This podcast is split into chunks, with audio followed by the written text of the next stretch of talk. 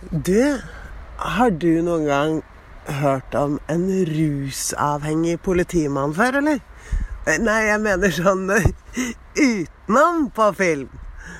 Fordi at det er det vi skal møte nå. Og han vi skal møte, han heter forresten Ronny René Nilsen. Og han jobbet i Uropatruljen. Var rusavhengig og gikk på Det må jo være den største smellen man kan gå på. Nei, det er det kanskje ikke, men, men det er i hvert fall litt av et dobbeltliv den mannen levde. Og jeg gleder meg sånn til å møte han. Han er en kjempefin fyr. Han har vært nykter og edru kjempelenge, og han jobber i rusfeltet nå. Så på vei til Sandefjord nå så skal vi få møte han. Ronny René Nilsen, politimann og rusavhengig.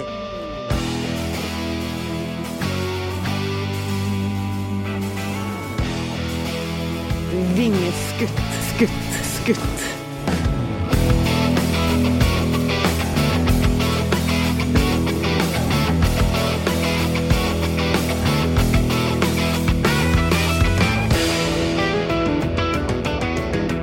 Du fascinerer meg. Historien din fascinerer meg veldig. Så vi må jo, hvis vi skal Jeg må jo få vite lite grann om historien din i dag. Ja. For du er jo Eller var faktisk politimann. Mhm. Eh, ja, jeg var, var det. du var det. Du er ikke politimann lenger. Nei, altså noen sier jo at jeg opptrer av og til som politimann, men det er noe annet. Ja, ja, At man er yrket sitt, eller er den personligheten. Ja, da tror, jeg, da tror jeg noe mer at jeg ikke er yrket mitt, men at jeg kanskje bare er litt sånn personlighet. Ja. Mm. Ja, ja, for, for å være ærlig. Ja, du har den autoriteten, på en måte. Som, som jeg forbinder med en politimann. Mhm. Jeg vet ikke helt jeg, hvordan jeg skal sette ord på det noe mer, men eh, Nei, jeg skal ikke hjelpe deg med det.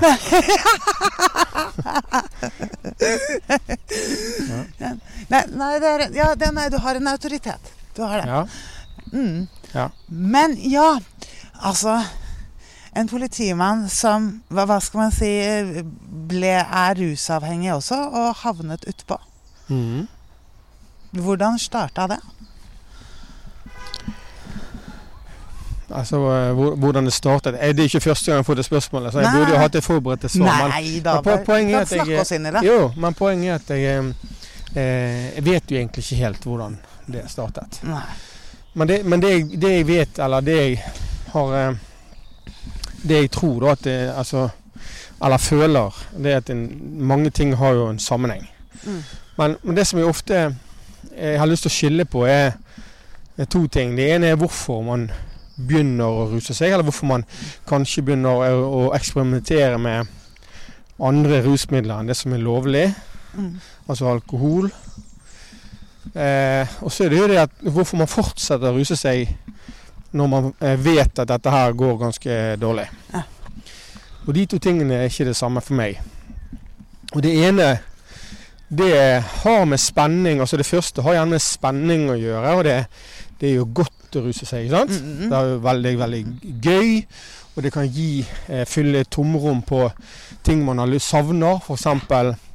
Eh, fellesskapsfølelse, spenning, utagering. Ikke sant? Og så er det jo en del sånn eh, em, ting som er i rusen som er ganske gøy. Ja, det, det, og det, det,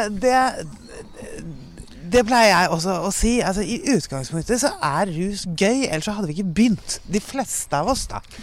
Med Nei. unntak. Nei, Ja. så, så det er liksom det, det er min inngang. Min inngang var at jeg Mm.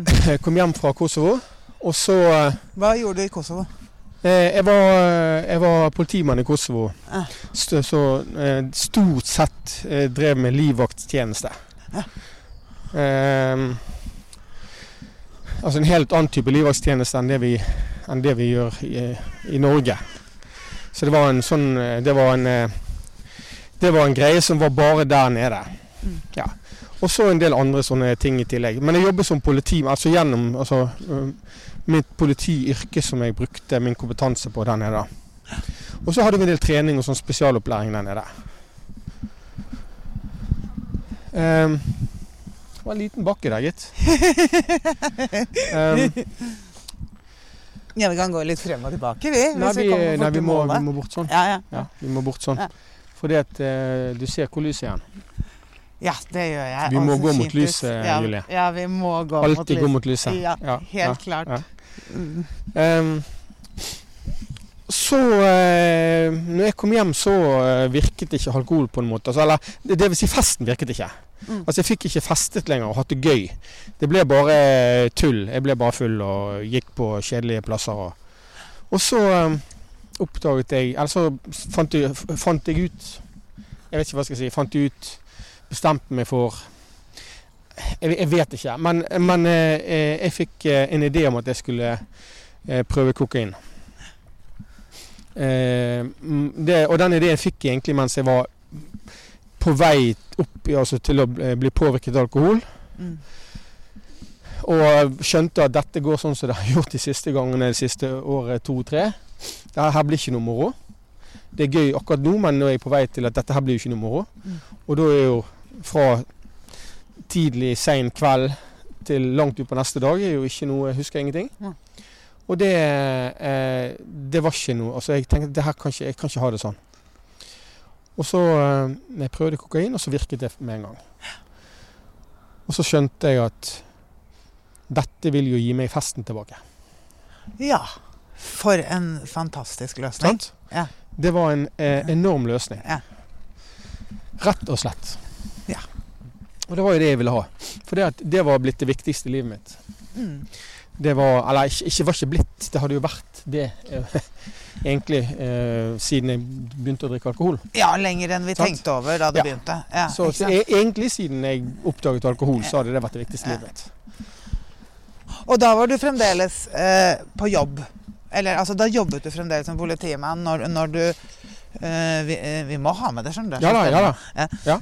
Jeg jobbet som politimann på noe som het uroavdeling. Jeg hospiterte på en sånn eh, spaningsavdeling, Uro, Ja.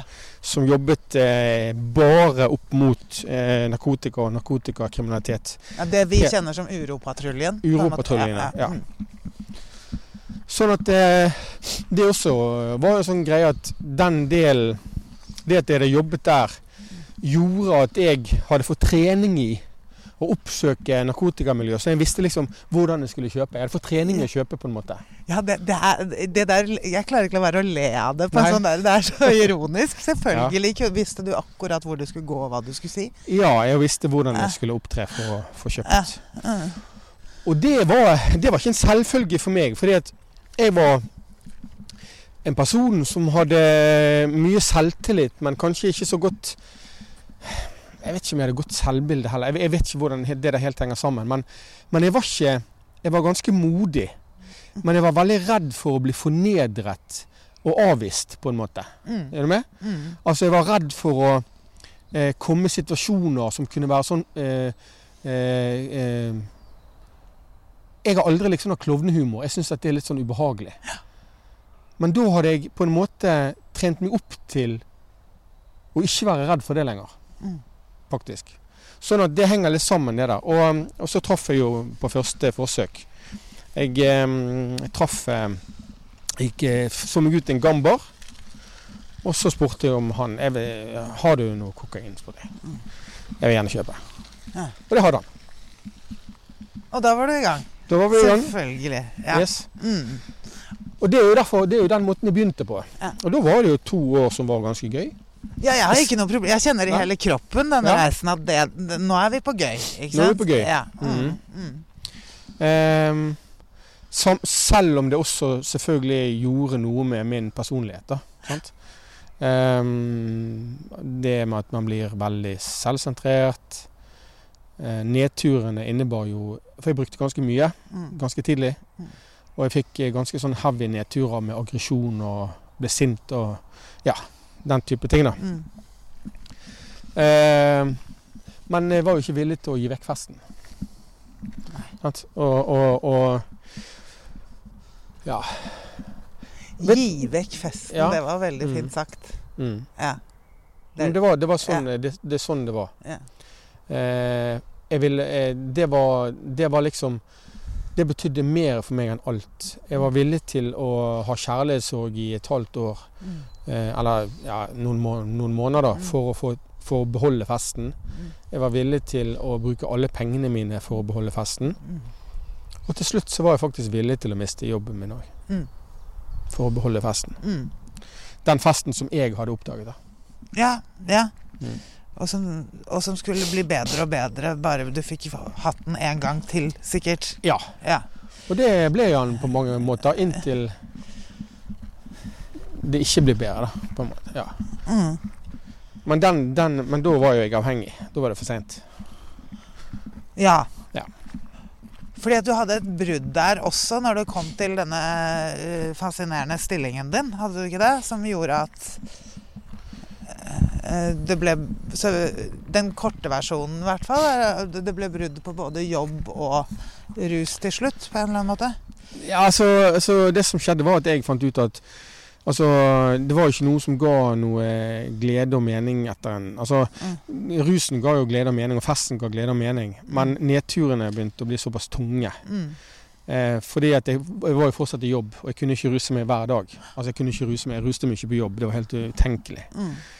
Men eh, Og det gjorde jo at jeg valgte å bryte opp alt i Oslo. Jeg solgte leiligheten min og flyttet tilbake til Bergen. Noe som egentlig var helt eh, latterlig, for jeg var jo aldri tenkt å flytte tilbake til Bergen. Mm. Eh, så jeg på en måte så følte jeg, jeg, jeg Kanskje jeg flyttet tilbake til noe som jeg trodde kunne være trygt. Mm. Samtidig som ikke jeg klarte å gi slipp på festen. Mm. Eh, så, så eh, Men i den perioden der, så eh, i februar og mars, så var det to episoder. En i Bergen og en i Oslo som, som da gjorde at eh, det var ikke noe vei tilbake. Jeg ble på en måte oppdaget, da. Eh, og, og da eh, jeg, hadde ingen, jeg hadde ingen vilje eller eh, ressurser til å kjempe for å så Mm. eh, komme tilbake for å få beholde jobben. Å, det, var, det, var, det var helt umulig å, å, å mobilisere for å slutte. Ble oppdaget Ble du tatt av dine egne kollegaer, liksom? Ja, det, det er en, en episode i Bergen som en sånn, eh, der jeg ble satt i fyllearresten. Ja. Um, som eh, Der jeg hadde noe eh, veldig små mengder med amfetamin i, i lommene. Men, eh, men det hadde jeg ikke brukt. Jeg vet ikke hvordan Det har vært framme et par ganger i, Ja. eh, på andre historier også, dette. da. Ja. Men, eh, men eh, der jeg ble opp... Altså der jeg mm, gjennom inkvirering i arresten, som det heter, eh, ble tømte lommer, og der lå det litt sånn amfetamingreier. Mm. Men, men det var jo da jeg var i Bergen og hadde flyttet fra ting. Så jeg, så jeg, og jeg hadde aldri brukt amfetamin. Og jeg ble tatt prøver på, jeg var clean og Så det var ikke, det var ikke, det var ikke noe der. Men, så den kunne nok kommet unna på en måte, altså, med en kraftig skrape, da. Ja. Men eh, så dro jeg rett til Oslo og kjøpte kokain og fortsatte, og da Der ble det en skikkelig biljakt. Eh, som jeg husker eh, deler av, gans, en god del av, men ikke alt. Jeg var på Solli plass og sikkert kjørt litt rart. Og så hadde jeg en dealer i bilen, så jeg måtte skynde meg å få han unna. Det var det eneste jeg tenkte var at han skulle slippe unna. da. Mm. Eh, for jeg tenkte ikke på at jeg sjøl kunne bli tatt. Så blir det masse opp på um, Frogner og Bulke. um, Noen ambassadebiler fra Pakistan og India og ned i Bygdøy og stoppe på rødt lys. Og så kjøre på rødt lys når de var ute av bilen, sånn at jeg kom vekk. da. Det her er sikkert kjempegøy for mange å høre mer detaljert om, men jeg vet ikke, jeg har fortalt det så mange Ja, ganger. vet, ikke sant? Det Ja, føles sånn, fordi det, Ja. dette er jo egentlig veldig spennende. Eller la, la Ja. oss si sånn jeg, jeg leser, Før vi møttes nå, så googla jeg jo litt, da. Mm. Og i en avisartikkel så, så får man jo inntrykk av at du har vært på en skikkelig James Bond-kjøretur. Ja. Altså Det var som å lese som på film. ikke sant? Og hvor, hvor politiet eh, Det går fint. Bare snakk. Politiet sier at Eller det står i hvert fall i av, den avisartikkelen så står det at de måtte gi opp å forfølge deg fordi Mm. du kjørte så heftig. Mm. Ikke sant? Så, Mm. så her får man jo sånne assosiasjoner til Ja. ja. Men det som, er, det som er ganske morsomt, da, for, da hadde jeg én i promille når jeg ble målt senere. ja. Men det var mye andre ting i kroppen som gjorde at jeg i hodet mitt har en mindre, mer blackout enn jeg hadde når jeg ble tatt i Bergen, der jeg hadde nesten, der jeg hadde nesten 2,4 promille eller noe sånt. Mm. Og det er heftig forskjell på de to. Enormt. Den ene så skal jeg egentlig ligge døddrukken Ja. eh, og ikke kunne røre meg, mens den andre er sånn i lykkepromilleland. Men allikevel, den, den siste, som da er lykkepromilleland, Ja. har jeg eh, mye mindre erindrelse fra Mm. enn den første, selv om den er mye mer promille. Mm. Men jeg husker veldig godt Jeg husker ikke så godt disse bulkingene. Men jeg husker veldig godt hvem jeg hadde i bilen. Jeg husker at det startet på Solli plass, og at jeg måtte få kvitte meg med han. Mm. Hadde ingen tanke om egen rus. Eh, og så husker jeg veldig godt Da var jeg veldig klar når jeg stoppet på rødt lys i Bygdøy allé. Rett i sidegate på, på Bygdøy allé. Og eh, husker nesten jeg, jeg, kunne, jeg husker ikke hvem som kom ut, men jeg kunne ha jeg kan, altså alder og sånn, en del yngre enn meg. Mm. Eh, jeg kjent, alle kjente jo meg, for jeg var jo skyteinstruktør. Så, Ja, så alle er visste jo hvem det var. Fascinerende å høre på. Altså. ja, Ja, ja, ok. ja. Mm. Jeg syns ikke det er så morsomt. Nei, da. det skjønner jeg. Men, det eh, skjønner jeg. Men, ja. ja. Men, jeg, men jeg har akseptert Jeg skjønner, jeg skjønner intellektuelt at det her er morsomt. Ja. Eller spennende for folk. det da. er spennende. Spennende, ja, jeg skjønner Ja, ja. det, jeg skjønner det. Mm, mm, Så um, mm. Ja. Men uh, etter den episoden så var det ingen vei tilbake. Altså den siste Oslo-episoden. da. Mm, mm. Ble kanskje litt rotete, dette her, men uh, Det gjør men- ikke noe. Nei. Nei. Men uh, da var det ingen vei tilbake, og da, da ble jeg permittert. Og så ble det en, en, en dom ca. et år seinere. Mm. Ca. et år var det der jeg da rotet rundt før jeg fikk fått en dom. Og da eh, Det ble jo en dom på flere ting, da. For jeg ble jo i mellomtiden her tatt med et stort kokainbeslag i Bergen. Ja. Eh, for man gir seg jo ikke med Nei, det altså, første. altså, altså jeg eh, Det um, Det her er det godt å bli påminnet, faktisk. Ja. Fordi at um, jeg har kommet så langt i livet nå at jeg noen ganger kan glemme eh, Det jeg tenkte på når, vi, når jeg skulle treffe deg i dag, så tenkte jeg at eh, Hvor lenge skal man være rusavhengig? tenkte jeg. Hvor lenge, hvor lenge skal jeg gidde å være beheftiget med dette? Ikke at det er noe stress, men Nei. hvor lenge er dette interessant? Og så, og, så, og så kom jeg til å tenke på Men det jeg har glemt litt nå i mitt fantastiske liv, med å gjort med å få lov til å være der jeg er og ha fullført en ny utdannelse og jobb og alt det her, som vi sikkert kommer tilbake til, det er hvor heftig det faktisk var å bli rusfri. Ja. Hvor, eh, hvor, hvor stort det faktisk er. Fordi det er så utrolig mange som ikke klarer det, Mm. Og som dør på veien. Mm. Eh, og det, det trenger jeg å huske for å være størst mulig garantert mot ikke å gå tilbake. Ikke sant? Enda, faktisk. Det er ikke noe, det er ikke noe sånn eh, umiddelbar fare for at jeg gjør det, eller at eh, jeg har, lyst, jeg har overhodet ikke lyst til det. Men jeg trenger å huske på hvor altoverslukende For det, det, det, hele livet ditt, Mm. Eller mitt, hele livet mitt rus, ble rus. Alt i mitt liv ble rus, og dreide seg om rus. Hvert jævlige millisekund dreide seg om rus. I mange år. Og det å kvitte seg med noe sånt Jeg tror det er veldig vanskelig for folk å skjønne hvor heftig det er. For det ene er hvor vanskelig det kan være. Ikke å slutte å ruse seg, for det er enkelt, men å ikke begynne igjen. Eh, og, og jeg har blitt ofte konfrontert med at Ja, men du har så store ressurser fra før. Ja. Sant? ja. Mm. Eh, så tenker jeg eh, Og det, det kan godt være at det gjør det enklere, jeg vet ikke. Men samtidig så var det, har det vært vanvittig vanskelig å, mo å mobilisere til å reise seg og, eh, og begynne på nytt igjen. For, det, Mm. for jeg ikke hvis jeg skal ha et lykkelig liv, så måtte jeg lage meg en ny identitet. Jeg måtte lage meg en ny karriere. Og det har vært utrolig vanskelig å mobilisere noen ganger for å få det til. Og det har vært jævlig vanskelig å orke. Hadde jeg visst hvor mye ork det var Mm. når jeg begynte, for, bodde på Torstrand og skulle begynne på da, master, Mm. hadde jeg visst hvor tungt, eh, hvor mye, hva som sto foran meg, så jeg tror jeg faktisk ikke hadde orket. Nei, ikke sant. Ja. For, og det er også noe som altså, Hva skal man si? Det er så dumt. Vi har rusavhengige, vanlige mennesker. Du kan jo si det, men rasjonelt tenkende mennesker da, ville jo trodd at når du blir tatt i et sånn heftig bi bilrace som du forklarer om. Og så har du da en historie som du sier Og det ville jeg ha gjort. Jeg ville sagt helt, helt sånn uten å tenke meg om. Ja, og så, og så ble jeg tatt i kok eller et eller annet med rus en gang til.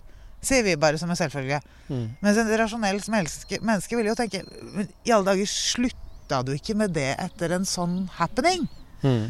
Men det er det vi ikke gjør. Nei, jeg fikk jo til og med en advarsel. Altså på advarsel Nå gjør jeg sånn hermetegns eh, for de som ikke kan se radiosignalet. Så jeg eh, fikk hun en advarsel i Bergen. sant? Altså, det, Jeg kunne kommet unna. Hadde jeg gitt meg der og da, mm.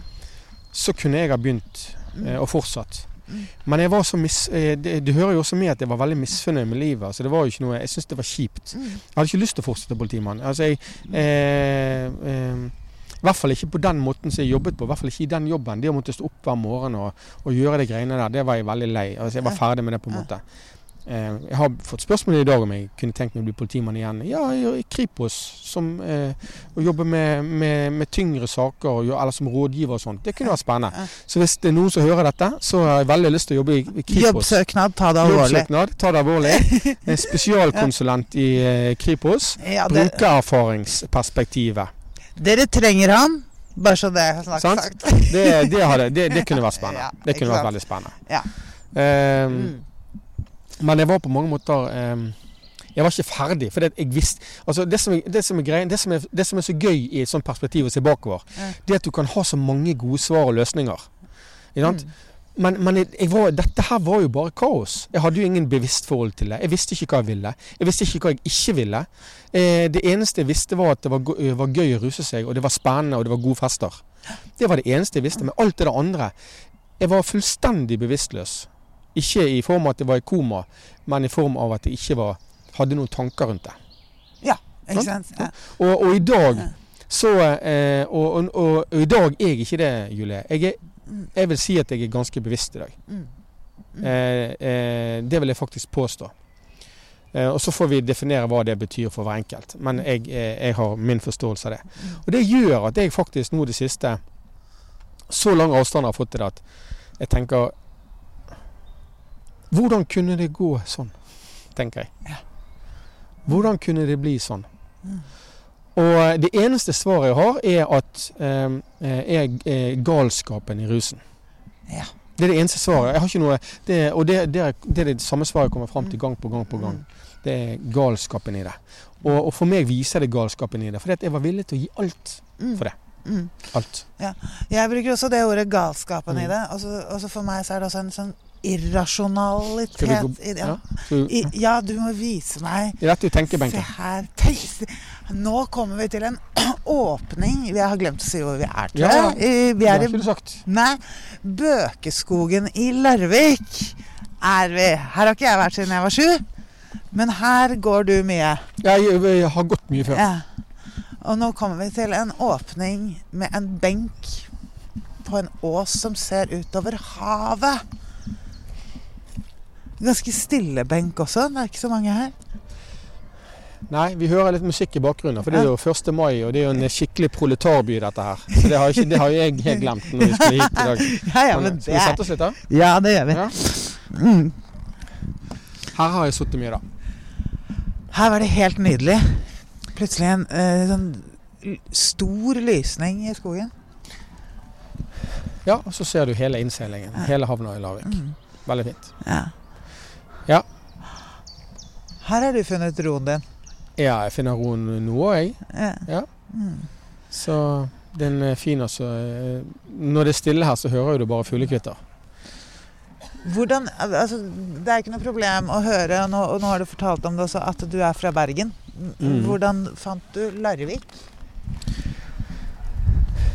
Altså det, det, er flere grunner til det. Men eh, jeg var jo i behandling utenfor Tønsberg og så var jeg i halvveishus i Larvik. Altså, for de som ikke vet hva det er, så det er en sånn, opp, sånn ettervernsdel av eh. Mm. Så eh, har de noe som heter halvveishus. Og der var jeg da eh, først syv måneder på tolvtrinnsbehandling. Og så var jeg eh, tre måneder i halvveishus eh, i Larvik. Og, og det eh, var en utrolig viktig periode. Og så eh, Men først og fremst er det pga. lyset. Ja, det var det du Mm. fortalte meg før Mm. vi begynte. Lyset. Mm. Ja. Men se, se nå. Ja. I, i, på Vestlandet Ja. så er det eh, lyset annerledes. Det er blåere, mer blått. Og så er det ikke de åpne Altså du har ikke de åpne landskapene på den, på den måten lyset kommer inn og blir reflektert både fra hav og land. På Vestlandet så har du bare reflektering fra fjell og fra eh, hav. Og det blir, på, det blir annerledes. Jeg, eh, det er et eller annet når jeg, når jeg er her, og jeg merker det ennå. Når når jeg har vært ute og reist, og kommer hjem, så kjenner jeg at jeg endrer sinnsstemning. Og hjem er da Vestfold. Så rart at jeg aldri har tenkt på forskjellen på lyset, fordi det er jo rundt oss. Og, og, og jeg har jo bodd eh, i Bergen i barndommen selv, så når du for, forteller om den blå Altså, jeg går jo rett dit. Jeg vet akkurat Mm. hva du mener. Litt grann mer sånn eh, eh, rosaskjær i dette lyset, på en måte. da. ja, det er det. Lettere. Ja, jeg blir Jeg eh, eh, eh, det, det er mer lys, på en måte. Mm. Samtidig som at det ikke er mer lys. Altså det, det er like klart i Bergen, Mm. men det er på en måte mer lys. Jeg vet ikke hvordan jeg skal eh, Mm. Jeg har ikke ord for alt, tydeligvis. Nei, men Nei. det er jo veldig vanskelig å eh, det, jeg blir fascinert av altså Jeg tenker vel på Jeg vet ikke. eh, det første vanlige altså, Nei, det er lavtrykk. Nei, det er høytrykk. Og i dag er havet så fint og blått. Eller i dag er det svart. Men jeg, har, det, det, jeg ble veldig fascinert nå at jeg har ikke tenkt på lyset i seg selv på den måten. Nei. Og når du sier det, så, det, så blir det helt soleklart. Ja, ja det noen ganger så er det det, det, er, det er litt som med bevissthet. det. Hvis du først har gjort oppmerksom på det, og først har blitt en del av livet ditt, Mm. så kommer ikke du unna. Nei. Det kan... er du, er på en måte fanget. Ja.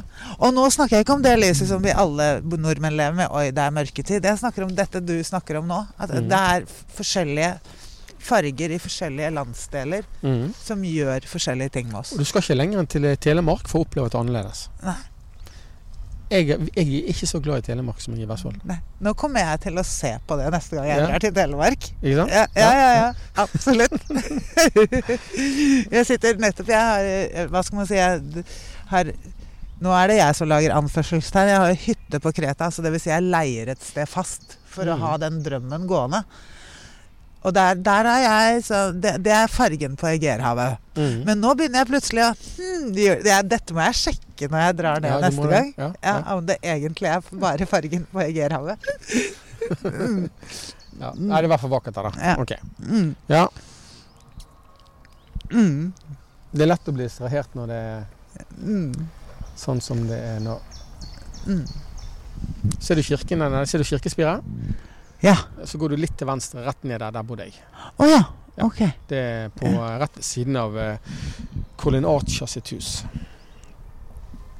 Er det det? Mm. Yes.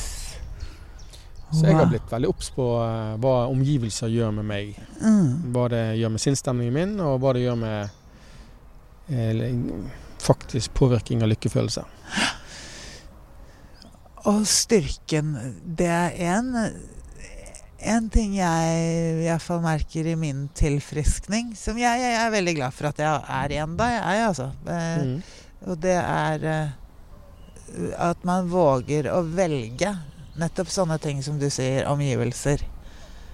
Og hvem man skal også ha rundt seg. Eller man kan jo ha mange rundt seg, men hvem man skal ta inn. Jeg er ekstremt selektiv med hvem jeg har rundt meg. Ja, ikke sant? Endelig så tør jeg det. Ja. Eh, og det er veldig enkelt, eh, fordi at jeg har ikke noen følelser i det. Nei. Altså, eh, Noen har lyst til å ha rundt meg, andre har ikke lyst til å ha rundt meg. Og det er forskjellige grunner til hvorfor det. Mm. Og det bare gjør jeg. Mm. Det er veldig befriende å ha det sånn. Ja, det er det. Ja. det, er Men det er kanskje litt av det som er med tilfriskning som kan være litt farlig for andre. Fordi at de kan føle seg truet av det. Man kan bli litt eh, eh, eh, Mennesker som har et veldig avklart forhold til hvordan de vil leve, Mm. eh, kan være vanskelig for eh, mennesker som ikke har det. Mm. Det er noe som jeg tror vi skal være veldig obs på. Ja. Mm. ja det, det er veldig, veldig, veldig sant, altså. Det er det. Mm. Og så er det, altså er det vel altså Det er vel generelt skummelt øh, det, det er jo fint for de rundt oss at vi, at øh, vi ikke går rundt og ruser oss også, men det er jo eh, De mister jo mye makt, noen av de også. Når vi ikke kan styres lenger av dårlig Mm. samvittighet og Det der er vanskelig. Det er vanskelig. Ja. Mm. Mm. Eh, Jeg vet ikke hva som er, er hva, liksom, og hvorfor, hvordan det der fungerer. Men, men det er jo kjensgjerning at mennesker som gjerne hadde det nær seg både før og, et, og i rusen, Mm. ikke er det etter rusen. Mm. Mm. Uh, det gjelder jo meg. Mm. Uh, det gjelder jo en del av min familie. Mm. Det er vanskelig å si hvorfor det er sånn. Eh, Veldig vanskelig. Ja. Av veldig mange grunner, Ja. egentlig. Altså Noen kan man ikke sette ord på, noen, noen må man rett og slett beholde for seg selv. ja, eh, Mm. jeg tror det skal, i hvert fall for min del, så så har ikke jeg noe behov for å så sette noe ord på det. Altså det jeg, jeg, jeg skjønner ikke alt, og det er greit. Nei. Mm. Så, og det er, jo, det er jo komplekst. Det er jo både mm, kan sikkert være ting som ligger hos meg, og det kan være ting som ligger andre steder. Absolutt. Ja. Jeg opplever også at, at det er visse ting jeg, jeg, jeg må Prosesser jeg må gå gjennom med meg selv og finne ut av. Altså Man må jo rett og slett langt tilbake i seg selv for å restarte hjernen. Og hvis jeg da må tilbake og ha med andre i den historien, Mm. som f.eks. er nær meg, så er det ikke helt sikkert at de heller skal vite om den spesifikke reisen jeg tar da, fordi det nettopp ikke har noe med dem å gjøre. Det er, Mm. De er med i det, men det er min reise som jeg må deale med selv, uten at de skal få bli belemret omtrent med det, rett og slett. Ja, det, jeg skjønner veldig godt hva du eh, Mm. mener, Julie. Men, men akkurat det her, det her Det her snakker jeg litt med, med kjæresten min om at det, er altså, det med å være i tilfriskning kan være veldig sterkt. Og hvis du ikke er obs på hva det kan, eh, hva det kan bety Fordi at, det er sterkt, fordi at du kan bli veldig Du kan bli veldig selvstendig person, og du kan bli veldig ganske hard i forhold til avgjørelser man tar. Og man kan bli ganske hard med de, mot de rundt seg hvis man ikke er obs på det. Mm. Eller de kan oppleve det sånn i hvert fall. Mm. Fordi at man har behov for å beskytte seg sjøl, eller man, kan, man, liksom, man lever på den bølgen om at endelig så klarer jeg å ta avgjørelser som er viktige for meg sjøl, jeg klarer å sette grenser og, og alt dette her. Så kan man bli ganske sånn deterministisk i forhold til den, altså den holdningen på det. At man blir ganske eh, Det er liksom eh, enten-eller-holdning. Ja. Mm. Enten så er du med meg, eller så er du ikke med meg. Mm. Og det Selv om det kanskje ikke er sånn vi mener det. Mm. Og det, det tror jeg mange kan bli ganske skremt av. Ja. Mm. Ja, det er jeg enig i. Det, det kjenner jeg veldig godt igjen. Mm. Og, det, og det, akkurat det skal jeg faktisk ta med meg etterpå i bilen hjem. Fordi at det, er, det er også sånne ting jeg jobber med hele tiden. Og nå, mm. nå fornyet Og det er fint med å jobbe med tilfriskning, eller jobbe med oss selv, at vi må fornye tankene våre hele tiden. Og nå satte du et annet perspektiv for, på det for meg. Du brukte andre ord enn de jeg har brukt før, Mm. som gjør at jeg kan retenke min egen tanken om det, om det da. Ikke sant? ikke det kult? Ja, det er Ja. veldig kult. Ja.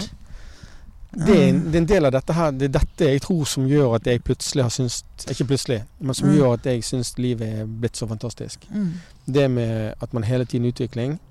Mm. Det med at jeg hele tiden lærer noe om meg sjøl. Mm. Jeg lærer hele tiden noe om andre. Jeg lærer hele tiden noe om livet rundt meg gjennom min nye forståelse. Mm. Så tør jeg å endre meninger om ting når jeg kommer til ny kunnskap. Mm. Det syns jeg, eh, jeg er helt fantastisk. For sånn, sånn var ikke det før. Ikke sant? Og det er kanskje dette jeg har søkt på en måte uten å vite at jeg har søkt det. Mm. For det er fordi vi søker mange ting, men, men vi er ikke sikkert vi vet at vi søker ting. Nei. Men i etterkant så kan vi si jo jeg søkte det, men hvordan kan vi vite det egentlig? Ja, nei, det kan vi jo ikke. Nei, nei, nei, Nei. det, ja. Mm. Mm. Ja, ja, ja, altså, jeg er ikke helt sikker på om jeg vet hva jeg søker, jeg. nei. Nei. Jeg, jeg, jeg søker å fortsette med dette. Og så, og, og, og så skal det kunne gi meg noe jeg ikke vet hva er enda Hver eneste dag, tror jeg. jeg eller jeg syns dette er spennende, bare. Ja, det, det, det gjør godt, da. Det gjør det, godt. Det, det er det som jeg Ja. havner på at det gjør godt. Ja, Det er ikke noe mer konkrete ord enn det heller. Altså det, Men det krever jo ganske mye av oss. Det krever jo Ja. veldig mye tilstedeværelse. Og det krever at, eh, det krever at vi er kjærlige eh, både overfor oss sjøl og andre. Mm. Altså, det, det er ikke sånn Veldig ofte, noen ganger, mm, som, så Så Det her er litt vanskelig å si, for det er så, det er så hårfin balanse mellom å være arrogant og peke på noe Ja. i forhold til å bare ønske å tilføre noe. Ja. Ok? Eh, fordi at hvem er jeg som skal mene noe om hvordan andre skal leve livet sitt? Mm.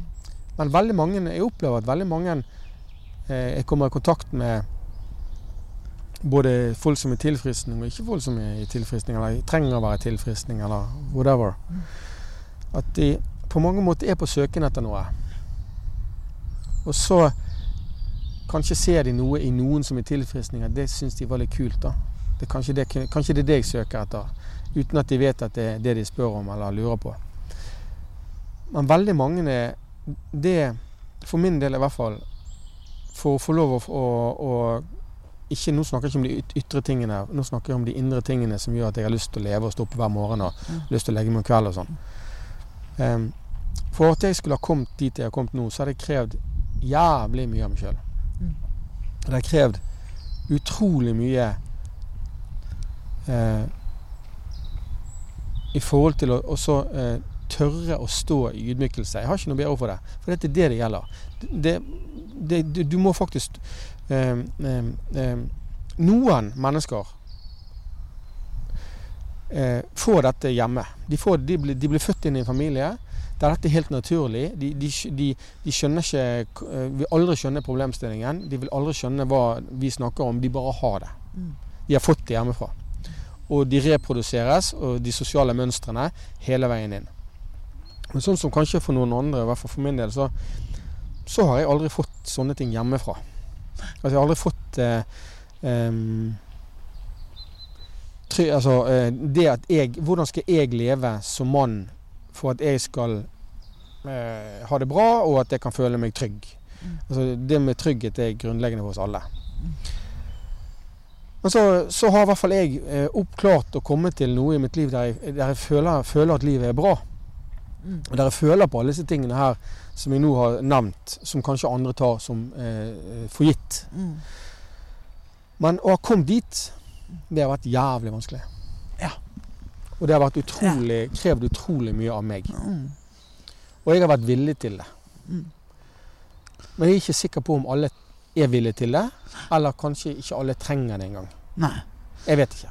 Det er den balansen. Det er det jeg mener Mm. med det er en hårfin balanse mellom å peke på, å være arrogant, å være selvgod, kontra å bare fortelle hvordan det er for deg sjøl. Ja. Skjønte du det? Ja, jeg skjønte okay, det veldig godt. Jeg syns det var Mm. veldig, veldig klart. Ja. Ikke sant?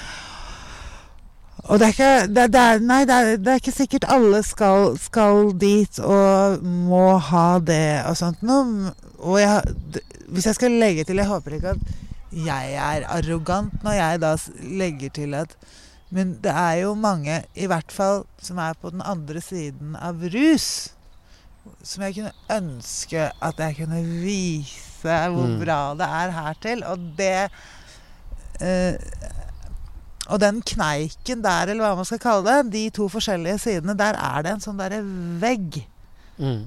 Altså, for, for hvis jeg hadde vært uh, aktivt i rus nå, altså ikke akkurat her på benken, men hvis jeg drakk i går og skulle drikke Mm. etterpå, så hadde jo jeg syntes at alt det du sa nå var bullshit. Mm. Skjønner du? Ja, jeg skjønner. Ja, ja, ja. Selvfølgelig. Ja. Mens også være på den siden hvor ah, det, er, det er så kult her! Kan ikke du bare skjønne det? Noen ganger ikke at jeg tenker sånn. Nei, men det er jo ikke for å være det. arrogant. Ja, jeg gjør det. Jeg gjør det. Ja, ja. Jeg tenker, men, eh, men, eh, men eh, Og jeg skjønner veldig godt hva du mener. Og det, Mm. det kan være veldig vanskelig. Og det, det her er jo Og nå er vi igjen sant? veldig fare for å tippe over Ja, og være ja. eh, selvgod og arrogant og Mm, mm. hovmodig. Og, og, men eh, men eh, det her er jo Det er klart at det her opplever vi også i rusfeltet, Mm. mener jeg. Mm. Ja. Mm. Eh, og derfor er det derfor, Jeg har jo gått slalåm eh, fra det ene ytterpunktet til det andre. Mm. Kanskje nå begynner jeg å finne liksom litt der eh, jeg syns det er mest komfortabelt å være. Men det eneste jeg det, eh, det jeg tror er løsningen, er at vi må ha en, så, vi må ha en voldsom brei tilnærming. Hvis vi ønsker å hjelpe mennesker, så må vi ha ytterpunktene og alt imellom. Mm. Det, det, Mm. jeg tror ikke det er noen annen måte. Eh, og det er det, Mm. det er det jeg vil jobbe for framover. Ja. Og, ja. Men, ja, fordi nå, nev nå nevnte du ordet rusfeltet, og det minner meg på at du uh, Vi snakket litt i sted om Da vi snakket om fortiden din, så snakket vi om Og så tok jeg en ny utdannelse. Og så hva, hva, hva, hva skjedde etter, uh, etter at du kom ut? Du har en ny utdannelse. Hva er det Ja. for noe? Nei, altså jeg, eh, når jeg eh, flyttet til Larvik, så Mm. var jeg helt avhengig av hjelp. Jeg var avhengig av Nav.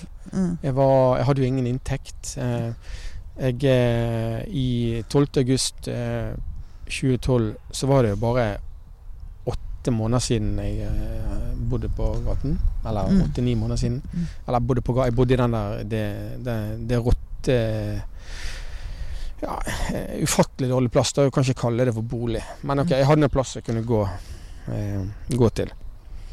Men eh, Men da eh, og det er litt, altså, litt rart å tenke på. For på, på den ene siden så var jeg helt hjelpeløs. Altså, jeg hadde ikke så, hadde jo ingen, jeg hadde jo noe iboende i meg, men, men samtidig så var jo jeg fortsatt veldig preget av den jeg var blitt i rusen, eller den, den som var blitt forsterket i rusen, på en måte. Mm. Altså selvmedlidende, eh, peke på andre, skal, skal ha hjelp. Eh, du, altså, det å komme seg videre og begynne å bygge sitt nytt liv, det, det var ganske, krevde ganske mye. Mm. Men samtidig så hadde jo ingen altså, Jeg hadde jo vært på en plass i livet. sant? Eh, Jeg hadde vært på en plass som var veldig bra. Og jeg, kunne, jeg, jeg så ikke for meg at hvordan skal jeg kunne leve rusfri med noe som ikke er bra. Hvordan, altså, jeg må, jeg må begynne å tenke på hva jeg skal gjøre.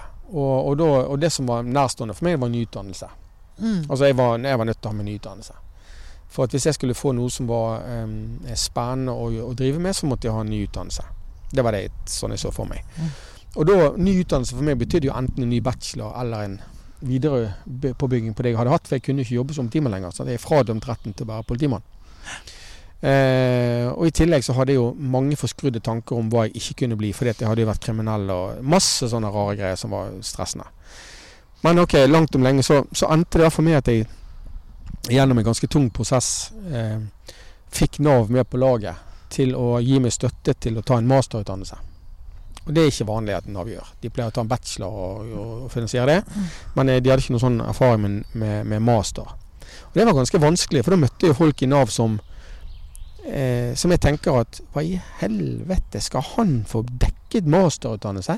Jeg har jo ikke masterutdannelse engang. Jeg tenker det, det er Ja, menneskelig, sant? ja. Altså, hvor mye skal man få, liksom? Mm.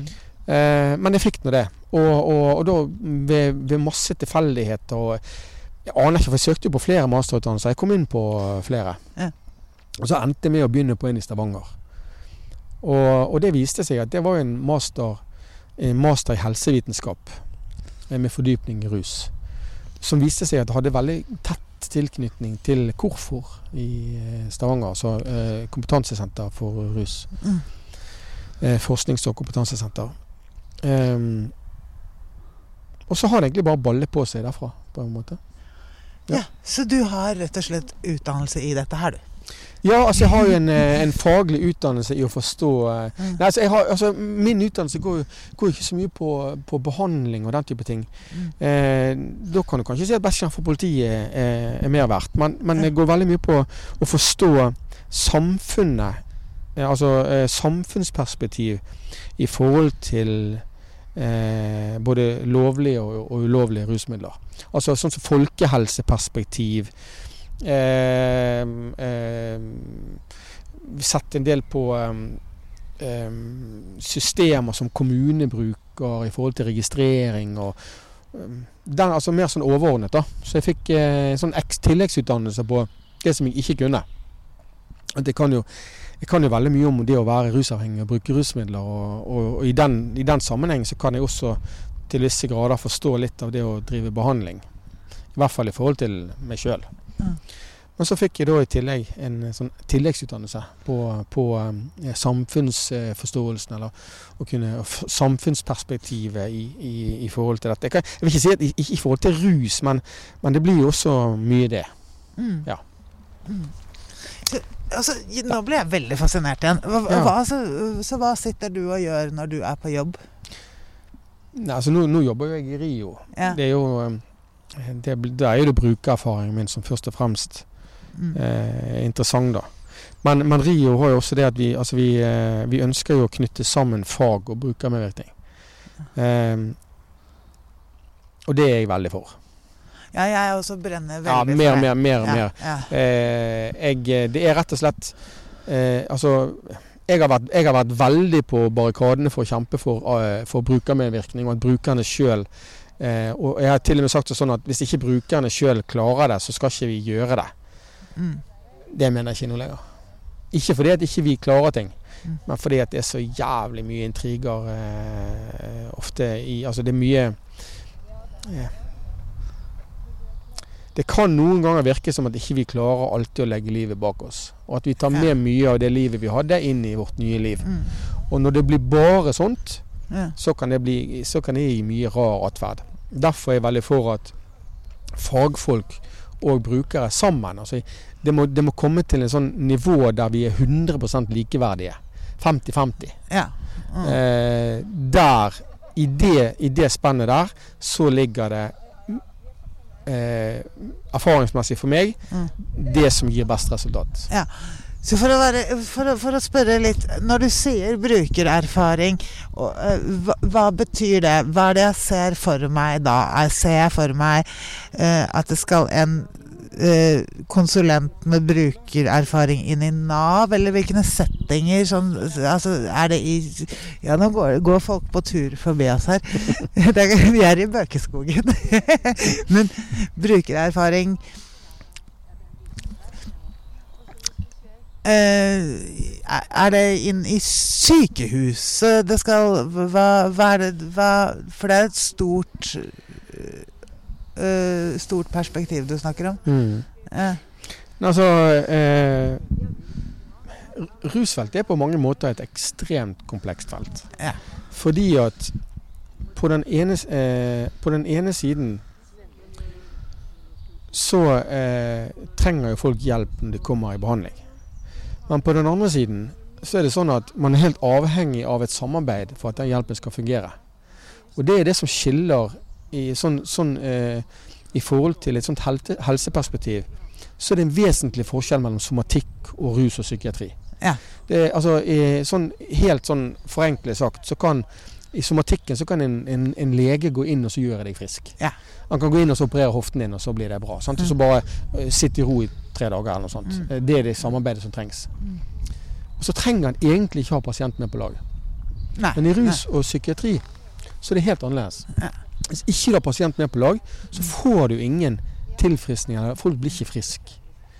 Eh, og, og, og, det, og, det, det, og, det er i akkurat den forståelsen der, Mm. gjennom hva fagfolk kan gi, Mm. og hva som kreves av den enkelte, som kompleksiteten ligger.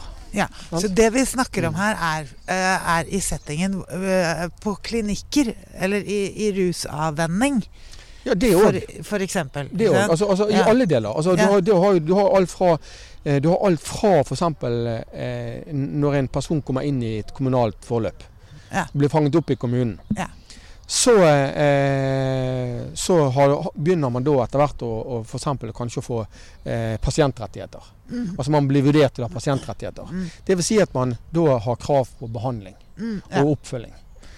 Eh, men så er det det at det er ikke så enkelt er det ikke. For det er ikke sånn derved sagt at da kan man bli frisk. Nei, ikke Sant? sant? Ja. Ja. Eh, men så har du da videre i forhold til dette med klinikk og behandling. Ja. Eh, så har du det eh, eh, hva, eh, Hvordan skal eh, brukermedvirkning f.eks. være i en klinikk og behandling? Da har du alt fra individu individuell brukermedvirkning, altså den enkelte får medvirke i eget liv, Mm, autonomi, Ja. altså retten til å bestemme over seg sjøl. mm, Men så har du også det Hva eh, kreves av fagfolkene for å få dette til? Ja. Og så har du alt det, eh, så, da, så har du all det her vanvittige forvirringen i forhold til behandling. For hva er det som hjelper? Jo, er det sånn at eh, en konfronterende behandling er det som er rett? Er det sånn at en tolvtrinnsbehandling er det som er rett? Er det sånn at bare legemidler er det som er riktig? Eller hvor lenge skal disse legemidlene være riktig? Når skal de eventuelt ikke være riktig lenger? Mm. Hvordan skal dette håndteres? Det er ufattelig vanskelig. Og grunnen til at det er så vanskelig, er fordi at vi er så ufattelig forskjellige. Mennesker er så forskjellige, og vi krever så forskjellig oppfølging. Både i forhold til personlighet og i forhold til den problemstillingen vi har. Det gjør det så utrolig vanskelig. Ja, ikke sant. Mm. Og Men ah, Drømme altså, Men det fins jo altså, Jeg bare ser for meg en klinikk, jeg nå. Jeg ser for meg, Og jeg har ikke så mange å gå ut ifra. Jeg, det eneste jeg kan gå ut ifra, er der jeg har vært innlagt selv, på Trasoppklinikken. Mm. Der har du jo eh, en blanding av eh, fagpersoner og folk med egen erfaring. Men, men de som har egen erfaring, er også utdannet. Mm. Det, det, det er jo en slags drømmesituasjon, Mm. spør du meg. Mm. Altså, fordi det fins jo de også. De Da jeg kom inn på Trasopp, så hadde vel ikke jeg stolt på noen av behandlerne hvis ingen av de hadde egen erfaring. Og Der er nok meg og deg ganske lik. Ja. Eh, eller det var i hvert fall det som ga meg tillit. ja. Men jeg er ikke sikker på om det er sånn for alle. Nei, nei. Og, og, og veldig mange har jo dårlig, dårlig erfaring fra behandling. Mm. Og det kan være mange grunner til. Det kan være at det var en dårlig behandling, Ja. men det kan også være at eh, eh, eh, den personen som var i den behandlingen, eh, kanskje ikke var eh, motivert nok. Eller eh, eh, at det var, har en personlighet som ikke passer til den behandlingen. Mm. Alle disse tingene her har jeg lyst til at vi skal snakke om, at vi skal være litt ærlige om. At, at det må være lov til oss å si det at vet du hva, dette her passer ikke for meg. Fordi at jeg opplever dette som feil. Mm. Altså Så enkelt kan det være. Mm. Og så for å gjøre, for å gjøre dette enda vanskeligere, da, Ja. så, så kan ikke vi Så, så, så, kan, så ville det vært eh, eh, Ikke uærlig, men altså for vi må jo også snakke om at det er litt sånn i skuddet nå at det er ikke alle Altså, man skal også lære seg å kunne ruse seg kontrollert. Åh. Og man skal Jo, jo men altså, altså og, man, og, man, og, man, og, og man skal eh, Og det må ikke veksles med skadebegrensning, for skadebegrensning er noe annet. sant? Mm. Eh, Sånn som jeg opplever det, i hvert fall. Selv om det lett kan bli, bli blandet. Mm. Men, så, men, da, eh, men da må vi jo lov å stille spørsmålet Ja, snakker vi jo om noe annet? Altså, burde vi snakke om disse tingene i samme gryte som vi snakker om behandling for rusavhengighet? Mm. Det, her, det, er sant? Vi, vi, det er så mange greier. Det er det eneste Og jo mer jeg lærer om dette, her, Julie, jo mer jeg lærer om det, jo mer forvirret blir jeg, og jo mindre skjønner jeg at jeg egentlig forstår. Og noen ganger er ikke jeg så jævla optimistisk heller. Ikke sikker på om Altså, klarer vi å lage et system der vi klarer å fange opp alle og hjelpe alle til enhver tid? Klarer vi det? Jeg vet ikke. Om, om det er mulig. Ja, fordi at, jeg mener men når du legger det frem, for, for dette her kan jo ikke jeg noe altså, så, så blir jeg svimmel.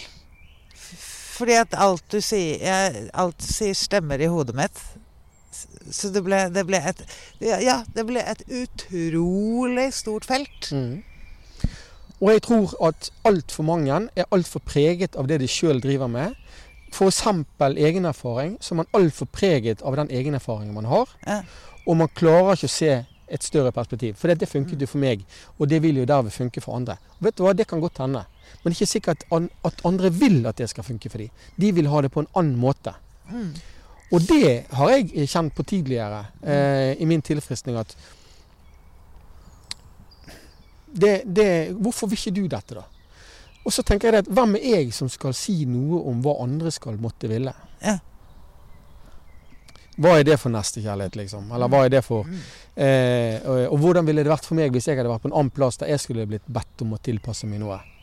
Hvordan ville det fungert for meg? Jeg vet ikke. Jeg var dødsheldig, for jeg kom til en plass der jeg bare liksom Det vil jeg ha. Sånn vil jeg ha. Jeg, jeg vil ha det sånn. Det var noe i det som jeg bare så Som jeg bare sånn umiddelbart klikket på plass i meg, som skjønte at dette her kan gjøre at jeg Det er dette som faktisk kan gjøre at jeg kan eh, få et håp om at en rusfri tilværelse kan bli bra. Mm. Mm. Ja, sånn var det for meg òg. Ja. Og det hadde å gjøre med for, for meg den, eh, den gangen, så hadde det Og det er jo som du sier, det er jo farlig, og man kan høres håndmodig ut og sånn, men for, for meg, understreker for meg, så hadde det å gjøre med da jeg fikk kniven på, på strupen av barnevernet. Mm. Så var det jo ikke derfor jeg slutta. Jeg slutta fordi jeg hadde fått nok, og de kom til riktig tid og riktig sted. Men da visste jeg at for å slutte, så må jeg Fordi jeg hadde, hadde havna en eller annen gang inn i noe tolvtrinnsgreier for mange år siden, så jeg hadde et eller annet Jeg, jeg husket noe om det. At, og der lærer man ting.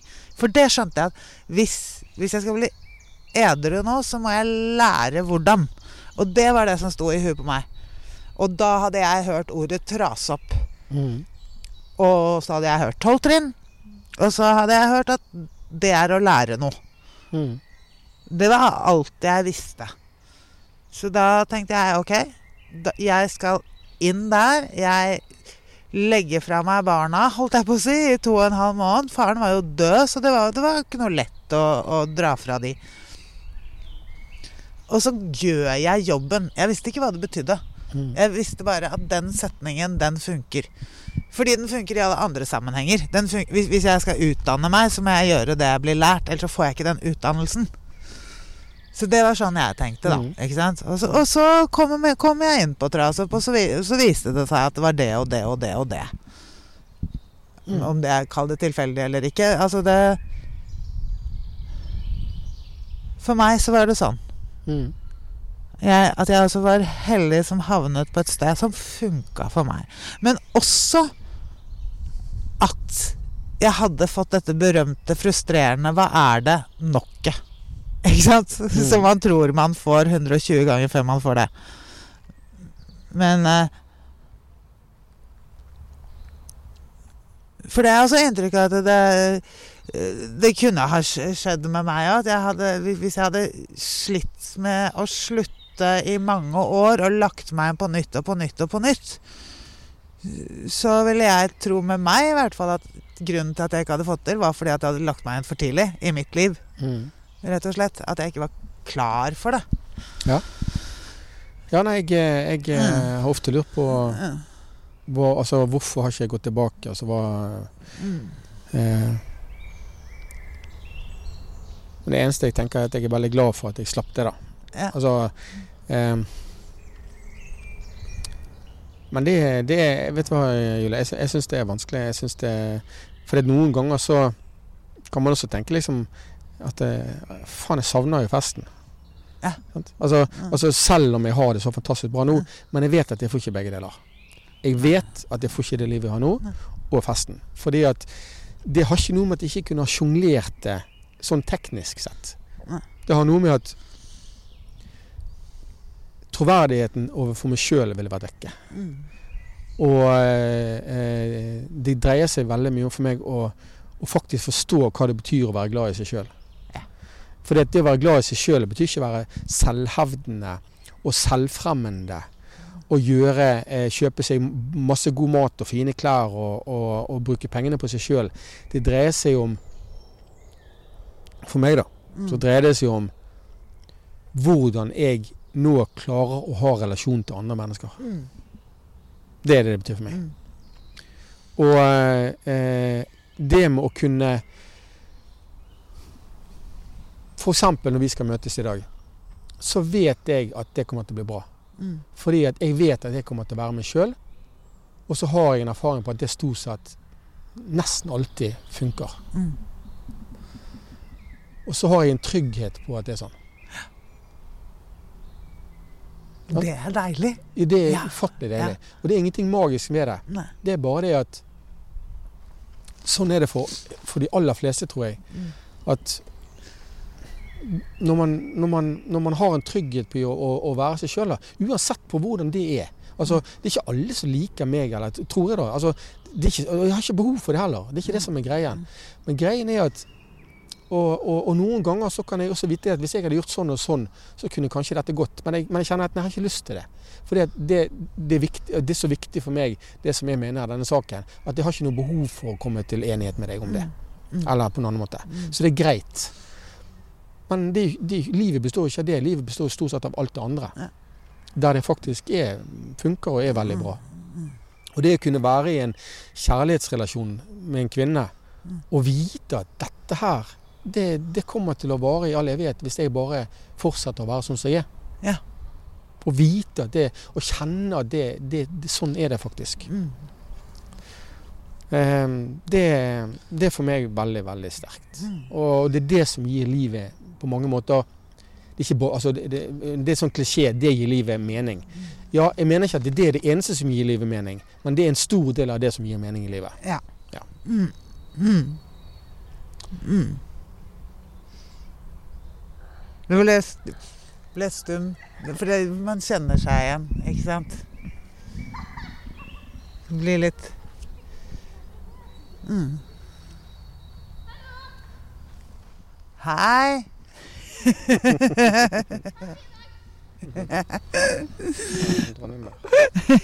Ja. Ungdommen jogger etter, etter natt til 1. mai. Det er jo noe. ja, de var så unge at jeg tror ikke de har vært eh, Jeg får ikke håpe det. Ja, jeg vet, jeg vet ikke, Julie. Nei. Ja. Mm.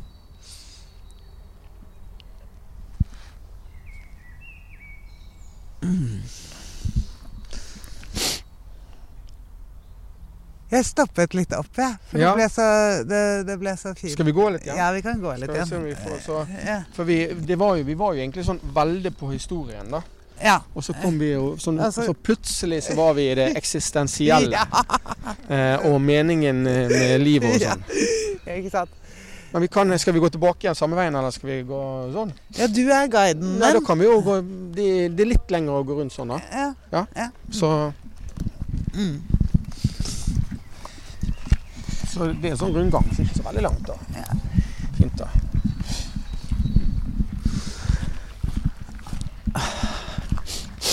Alltid litt godt å gå. ja, veldig godt å gå. Ja, vi var på historien din. Og vi kom til utdannelsen din, som gjorde at vi falt inn på dette her. Fordi at utdannelsen din er jo fascinerende. Men du, den kunne du jo brukt i karrieren din på politiet. Den masteren tenker du på nå? Ja. Ja. Eh, ja da, absolutt. Um, men eh, Altså, det, det som har eh, jeg, eh, det, det som jeg har syntes har vært litt eh, vanskelig å forstå, Mm. det er at sånn som meg og deg, vi eh, og andre, tenker på dette her med det med brukermedvirkning og, og eh, bruke erfaring i samfunnet. Det er liksom, det tenker vi, det, det er en selvfølge. Og, og, og, og det har stor verdi. Men så opplever jeg at det er ikke alle, sånn er ikke det alle steder. Det er ikke alle, det er ikke alle som skjønner det. Eh, og de har ikke forstå og, jeg, øh, Kanskje ikke man har, eh, Det kan både på, øh, gå på kultur, Mm. men også uvitenhet. Mm. Ehm, jeg eh, Når jeg eh, skulle forstå det med brukermedvirkning, så eh, Eller når jeg fikk mitt første oppdrag, da, så var det på den behandlingsinstitusjonen jeg hadde vært på siste. Mm. Og da ble jeg spurt om jeg kunne komme tilbake for å holde et kurs i, om rusmidler. Et eller annet. Og det gjorde jeg. Det var ikke så mange ukene etter at jeg var utskrevet at jeg gjorde det. Og da endte jo jeg å bo nede i det som het sykepleierboligen. Det vil si, der bodde jo de som jobbet på institusjonen. Så det var veldig kort tid mellom fra jeg var innlagt til at jeg bodde med de som hadde vært behandlere. Og det skjønner jeg kan være ganske, det kan sikkert være ganske heftig for noen av de, uten at jeg skjønte det den gangen. Da, sant? Men, jeg, kan, jeg kan kanskje skjønne litt bedre i dag. Men det, i alle fall så, så kom jeg i eh, For det var, der var det TV-rom. Og, og jeg var jo i tidlig frist, tilfristning og var, hadde ganske veldig klare meninger om hvordan livet var, hvordan det skulle leves. Og det var bare én måte å gjøre dette på, og det var sånn. Mm. Og det, det var kanskje det var, jeg, jeg, tror det var riktig å være der den gangen. og Ikke for å unnskylde meg sjøl, men, men, man må gjøre det litt enkelt. I, i hvert fall i en begynnelse. Men det jeg ikke var så eh, Jeg var allikevel veldig åpen og, og lytten og eh, eh, prøvde å ha Og jeg kom i snakk med disse, eh, han, den, ene, den, ene, behandleren. Og eh, i løpet av eh, eh, samtalen, så, så, merker man jo at gjerne temperaturen går litt opp, og man klarer å altså, Kanskje man pusher på noen knapper som man ikke vet at man pusher på. Og Sånn, og da kan folk plutselig bli litt ærlige. Ja. Og det er veldig fascinerende. Og, men, men, det var en utrolig viktig samtale for meg. For det, det den samtalen endte med, det var at denne personen fikk meg til å forstå og fikk meg til å kunne gi et bilde av hvorfor brukermedvirkning er viktig. Og det han sa, det var at Ja, men så Jammen du, Ronny, sa han. Når du som politimann hadde fått beskjed om at det skulle komme noen kriminelle og lære deg hvordan du skulle gjøre jobben din Og da satte han i perspektiv. sant? Nå skulle jeg da komme og lære hvordan de skulle gjøre jobben sin. Hvis det kom noen kriminelle og skulle lære deg å gjøre jobben din, hva ville du tenkt da? Og, da, og, da, og hvis noen hadde sagt det til meg for når, eh, når, før jeg begynte å ruse meg på illegale rusmidler, altså 15 år før, da, ja. så ville jeg sagt at ja, det kan de ikke. Altså, det ville jo vært helt utenkelig. Mm. Men fordi at jeg hadde gått den veien jeg hadde gått, så tenkte jeg vet du hva, det er jo ingen som kunne lært meg mer om kriminalitet og hvordan jeg skulle hvilke spørsmål jeg skulle stilt i en etterforskningssituasjon. Hvilke ting jeg skulle se på. Hvordan kommer narkotika inn i landet? Hvordan skal vi, etter, eh, hvordan skal vi eh, oppdage disse tingene? Altså, hvordan, hvordan, altså, ingen kunne fortalt meg mer om å være kriminell enn en kriminell. Nei. Og det ville jo vært vanvittig verdifullt i min jobb. Mm. Og så skjønte jeg at det, det, det bruker medvirkning. Det er ja. det jeg kan tilføre. Ja. Eh, inn til eh, fagfeltet. Mm, mm. Jeg kan fortelle om hvordan det er å være rusavhengig. Hvordan det er følelsesmessig. Mm. Og hvordan jeg kanskje kan komme meg ut av det. Hvordan jeg har håndtert dette for å så komme meg ut av det. Sånn at de kan kanskje forstå og, og bruke dette i en behandlingssituasjon. Det var en utrolig viktig samtale. Eh, men, men, han skjønte ikke det da heller. Og, og, det tenker jeg at det er vanskelig for mennesker å skjønne noe som man ikke har forutsetning for å forstå. Og det tror jeg er viktig at vi som brukermedvirkere vi har også et ansvar for å få folk til å forstå. Altså Vi kan ikke forvente at alle skal skjønne det vi skjønner. Det er ganske hovmodig. Det er veldig hovmodig. Mm. Og det Men jeg merker jo i hvert fall når jeg, jeg holder mye foredrag for uh, Nav, barnevernet og sånne ting. Og da Du vet jo hvordan jeg holder foredrag. Jeg holder mm. det i en dialog. ikke sant? Og der er det jo også det der at jeg blir da den brukermedvirkende. Jeg blir ikke den foredragsholderen mm. som plutselig får plass til å si hvis, da, Det blir ofte sånn uh, rollespill av det. Altså En mm. barnevernspedagog kan si Ja, men hvis du kommer inn på kontoret mitt, og så sier jeg Hei, Julie. Din datter har sendt meg en bekymringsmelding. Nei, du, hallo. Nå, du mista meg. Kan jeg avbryte, da? Mm. Nå mista du meg. Mm. Allerede der så har jeg sluttet å høre på deg. Mm. Og da får hun plass til å si hvorfor det? Nei, nei fordi altså jeg har, jeg har, kommet inn i et rom hvor du er en trussel allerede i stillingen din. Og det første du sier, er at du konfronterer meg med en bekymringsmelding. Da kommer jeg Altså, det å få plassen mm. til å ha den dialogen med disse menneskene det, altså jeg har bare opplevd å få plassen eh, gjennom foredragene mine, da. Fordi mm. de blir workshops. Mm. Ikke sant? Men, men, for meg så har det blitt så fascinerende, fordi det jeg opplever at jeg møter da, det er sosionomer, barnevernspedagoger, ruskonsulenter. Som jeg før så på som å, de teite folka der. Som jeg nå ser på som folk som vil hjelpe så utrolig mye mer enn hva vi vet før vi blir kjent med det. Mm. Ikke sant? Mm. Det er det de sitter i disse kalde workshopene. Hvor, hvordan kan vi hjelpe? Mm. Og så får man da muligheten til Man får ikke muligheten til å vite bedre enn de hvordan de kan hjelpe. Det går ikke. Men jeg får, jeg får muligheten til å vise de hvis, hvordan jeg fungerer når jeg er aktiv. Mm. Hva jeg ikke hører på da. ikke sant? Ja, ja. Men eh, ja, eh, det er én ting. også. altså. Eh, Relasjonen er ekstremt viktig. Ja. Altså Man må tørre eh, Ikke tørre, man må være villig til kanskje å, å gi litt av seg sjøl for å bygge en relasjon for å kunne hjelpe. Det er de, de, de beste det, det viser seg gang på gang at det er relasjonen som gir endring. Ja, Ikke sant? Og det Hvorfor Ja, så, så, så hvorfor når, når, jeg kommer inn på kontoret ditt og er redd for deg fordi du er barnevernspedagog, kan ikke du heller begynne med å si at dagen din har vært slitsom til meg, så kanskje vi får en prat? Kanskje. For eksempel. annet. Ja. Trenger ikke å fortelle meg om sexlivet ditt, men du kan Nei, Det går an å gi ja, Helst ikke.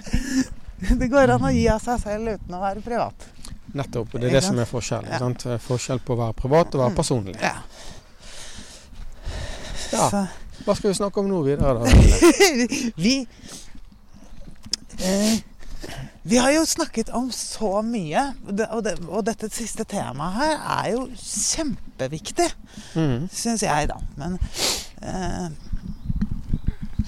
du, Men du var inne på én ting vi ikke har vært innom.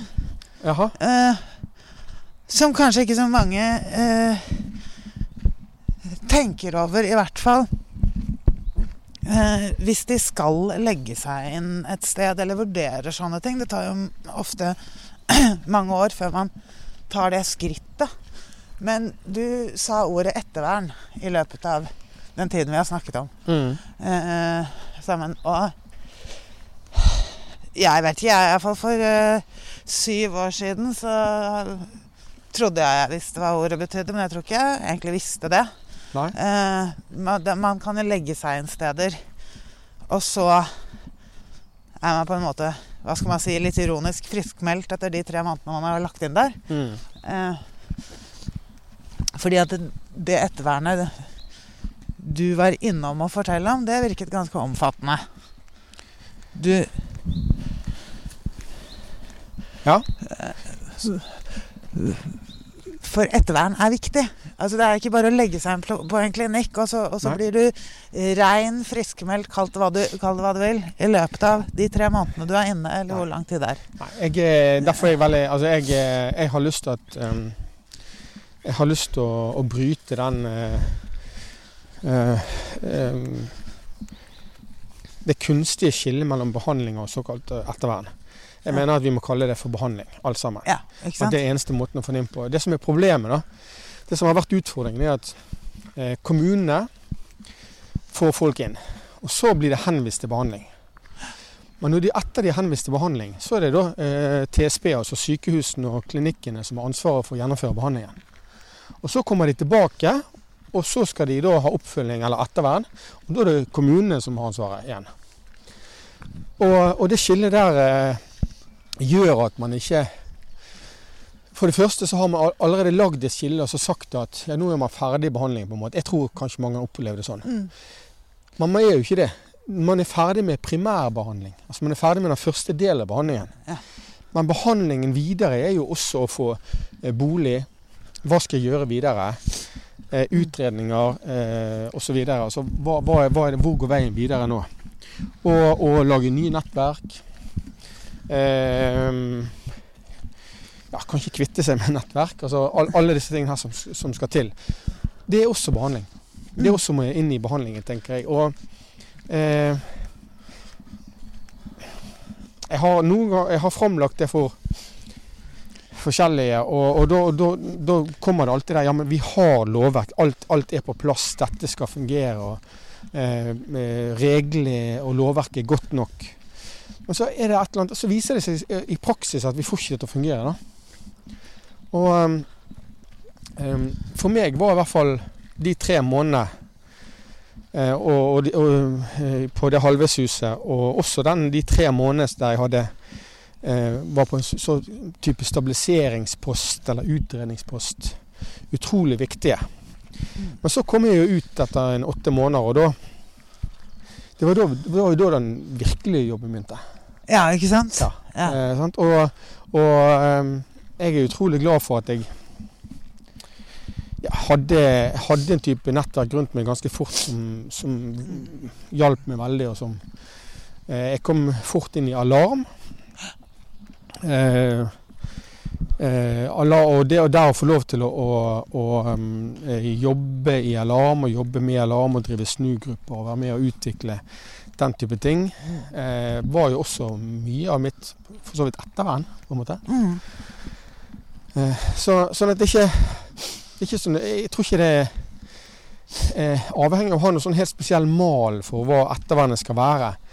Men det må i hvert fall være eh, en type eh, ivaretagelse og plan for hvor går veien videre nå, og hvordan skal vi få det til. på en måte. Ja, fordi at det, det eh, Og at du kom inn i alarm og sånt Og da begynner vi å snakke om å omgi seg med egen erfaring igjen. Mm. I det lange løp, ikke sant? Mm. I hvert fall er det viktig for meg. Mm. At jeg må omgi meg med likesinnede. Uansett på hvilken måte. Eh, For å holde tilfriskningene like. Mm. Det både du og jeg kanskje eh, kjenner som ordet ferskvare. Ja. Og da er vi jo nesten tilbake der vi begynte. Ja. Husker du, husker du det? At det var det, det vi egentlig begynte med. Og det var, når, når, når blir vi ferdig med dette her? ja. Eh, blir jeg, jeg noen gang, blir jeg noen gang ferdig med det? Eh, har jeg behov for å bli ferdig med det? Jeg vet, jeg vet ikke. Men jeg vet i hvert fall at Nei, jeg vet ikke. Blir vi ferdig noen gang? Jeg vet ikke. Men, men akkurat nå, da, for Ja. å ta eh, Rett og slett fordi at eh, Hei, hei! Der sykla det en forbi. Rett og slett, Jeg jobber jo mye på internett, og der merker jeg jo at for å kommunisere og hjelpe andre, eh, så er det det å leve i nuet Mm. som er stikkordet. Det, det var ikke mitt stikkord så mye selv da jeg uh, møtte andre, men på, i, på fjernbehandling, eller kall det hva du vil, så blir det stikkord. Og jeg merker at La oss si det sånn, da. At akkurat i dag og i går og i dagene før, jeg vet ikke i morgen, men akkurat nå syns jeg det er kjempegøy å være i tilfriskning. For jeg syns det er spennende. Mm. Så nå ser jeg for meg personlig at ja, jeg kan godt alltid være i det. Men jeg vet ikke om det Mm. blir det samme om eh, to uker, da. Men Nei, jeg, jeg er enig med deg. Jeg, Ja. eh, Det er mm, Det er på en måte For meg har det blitt på en måte en måte å leve på mm. som jeg eh, eh, liker veldig godt, Mm. og som gir meg et veldig bra liv. Mm. Og så Samtidig som jeg sier det, så kjenner jeg det at Ja, men skal jeg være litt forsiktig med å fortelle det til andre, eller prøve å pakke det på andre, eller i hvilken grad skal jeg gjøre det? Men samtidig så har jeg veldig lyst til at andre skal ha det bra òg. Mm. Det er derfor jeg driver med dette. Det er derfor jeg jeg gjør det jeg gjør. Hvis ikke så hadde jeg heller tatt meg en eh, mye bedre betalt jobb en annen plass enn enn- enn der jeg er nå. Men, men det gir meg så mye, da. At, eh, at eh, det, det er det jeg har lyst til å gjøre. Ja, det, det trodde jeg aldri byen. Jeg møtte mange mennesker som hadde vært nyktre og edru i lang tid, som sa nettopp at det gir så mye å gi til andre. Og jeg husker da jeg var aktiv selv, så Altså da jeg drakk selv, så så syns jeg det hørtes ut som en sånn svada Å, det er sånn man sier, og det er helt øh, øh. Men jeg har jo blitt sånn selv. Mm. Og man, For å ta bort magicen og, og sånn i det, da så altså det gir jo meg mye. Og så er det Det var en dame som sa til meg Jeg vil ha hemmeligheten din, Julie. Fordi at det syns på øyne eller hva som helst på utstråling. Og det er, det er vel det man til slutt begynner å brenne for. da, Og og så klare å få sagt til personer at det er ikke en hemmelighet. Se her, du kan få det! Mm, mm, mm. ikke sant? Nå, nå, nå sier du det som jeg egentlig ikke hadde lyst til å si, som vi har snakket litt om før. Men du sier det rett ut, da. Og jeg, får det, jeg har fått det spørsmålet mange ganger. Jeg har fått det direkte, jeg har fått det indirekte. Og så opplever jeg at det er derfor jeg det er derfor jeg pakker det sånn inn. Og det er kanskje litt dumt. Jeg, jeg er kanskje begynt å pakke ting inn litt for mye inn. Tør kanskje, jeg vil ikke, ikke tør, for jeg tør.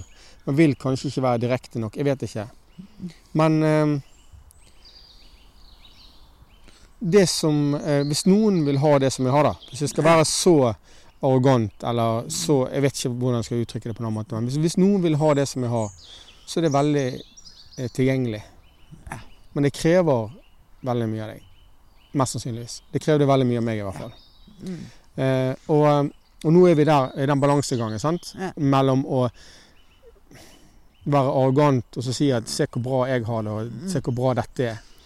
Og kontra og så framlegge det på en måte som er ydmyk. Jeg ønsker å være ydmyk i dette. Jeg ønsker jeg virkelig å framstå så ydmyk når jeg sier dette her. Fordi at, fordi at eh, det her er eh, Hvis ikke jeg er det, så funker det ikke for meg. Nei. Men hvis jeg skal si det, så må jeg nesten si det sånn. Men det, det, det, det Å få lov til så, Det er sånn jeg opplever det. Å få lov til, på mange måter, å komme til en kunnskap som jeg alltid har søkt, men aldri har visst at jeg har søkt. Ikke en kunnskap, men en følelse. En følelse av å ha det bra. Det, det er veldig stort for meg.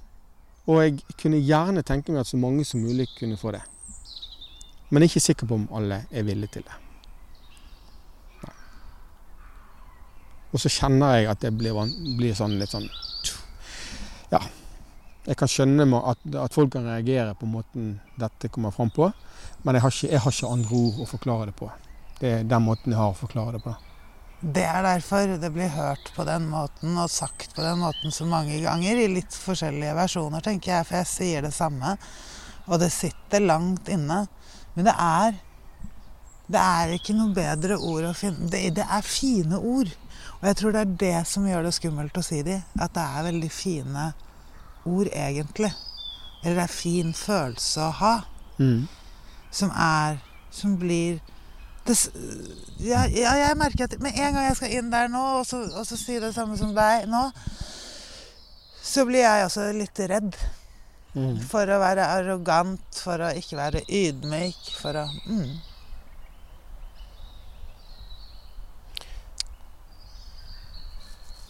Man kan snu på det, da. Og si Jeg får mye av å gi. Mm.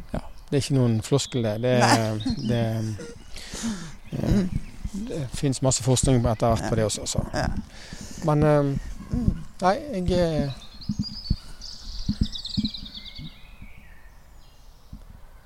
vi, vi har snakket utrolig mye nå, Det? ja. om, om, om litt sånn eksisten, eksistensielle ting. Ja. Hvor går vi nå, da? Herfra? Nå I dag og nå, mener du? Nei, jeg tenker, ja, nå tenker jeg intervjuet, jeg. Eller podkasten. Mm. Mm. Nå går vi eh,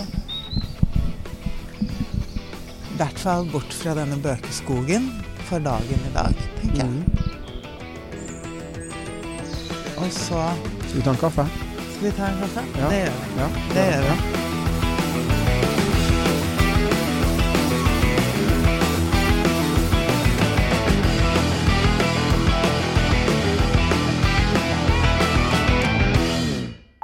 Podkasten er produsert av Tid og Lyst med støtte fra Ekstrastiftelsen.